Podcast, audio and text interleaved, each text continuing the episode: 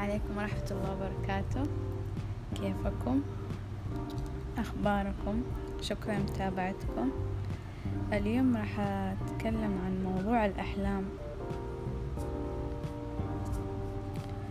ليش كثير يعني في الغالب يحس إن أحلامه أصلا صعبة تتحقق وإن مثلا فلان سوى كذا مثلا فلان نجح مشروع وفلان ما أدري بس إنه يعني سوى شيء مرة واو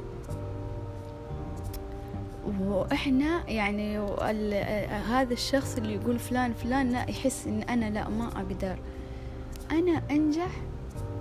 أنا مدري إيه أصلا يعني معروف حظ من يوم أنا ولدت في الغالب كذا يقول.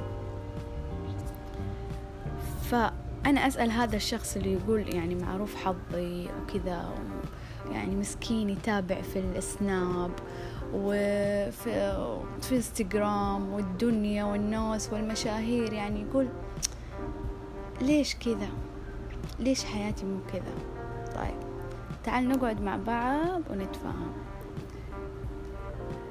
أول شيء الناجح طيب مع إن أصلا التعريف ناجح يعني بيختلف أصلا من شخص لآخر من دولة لدولة ومن من ثقافة لثقافة مرة فيعني ما في شيء يعني يكون متشابه إلا ممكن أشياء عامة حطتها منظمة الأمم المتحدة منظمة مدري إيه شيء يعني مرة يكون ماسك العالم هو حاط التعريف فأول شيء أنتوا إيش شايفين النجاح؟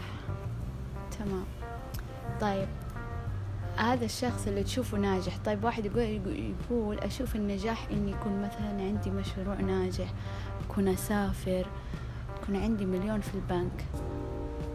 طيب هذا الشخص الغني اللي أنت شايفه مثلا يسوي إعلانات بمبلغ وقدره واللي عنده مثلا بزنس طبعا الكل إن شاء الله ربي يزيده من فضله بس نتكلم إحنا عن هذا الشخص اللي متأزم. فقول لهذا الشخص إن هذولي الناس ما بدأ على طول كذا خلاص أنا ناجح واو حسابي فيه. مية ألف. واو أقدر الحين أحجز لأي مكان في العالم. لا بدأ والناس ما يعرفونه. بدأ أصلا هو مع نفسه بدأ يعني أول بدايته هو مع نفسه. فأنت إذا بتبدأ أبدأ أول شيء مع نفسك. إنك تقول هذا الشخص بدأ وهو مو معروف وغلط مليون غلطة والرفض مليون رفض. لين أنا شفته وتكسر مليون كسرة على بال ما وصل لهذا الشيء اللي أنا شايفه دحين وهو يعني مبسوط ومتنعم في اللي يبغاه. سمعت مرة مقولة إن الواحد ما يستم إنه يستمتع بفاكهة الحياة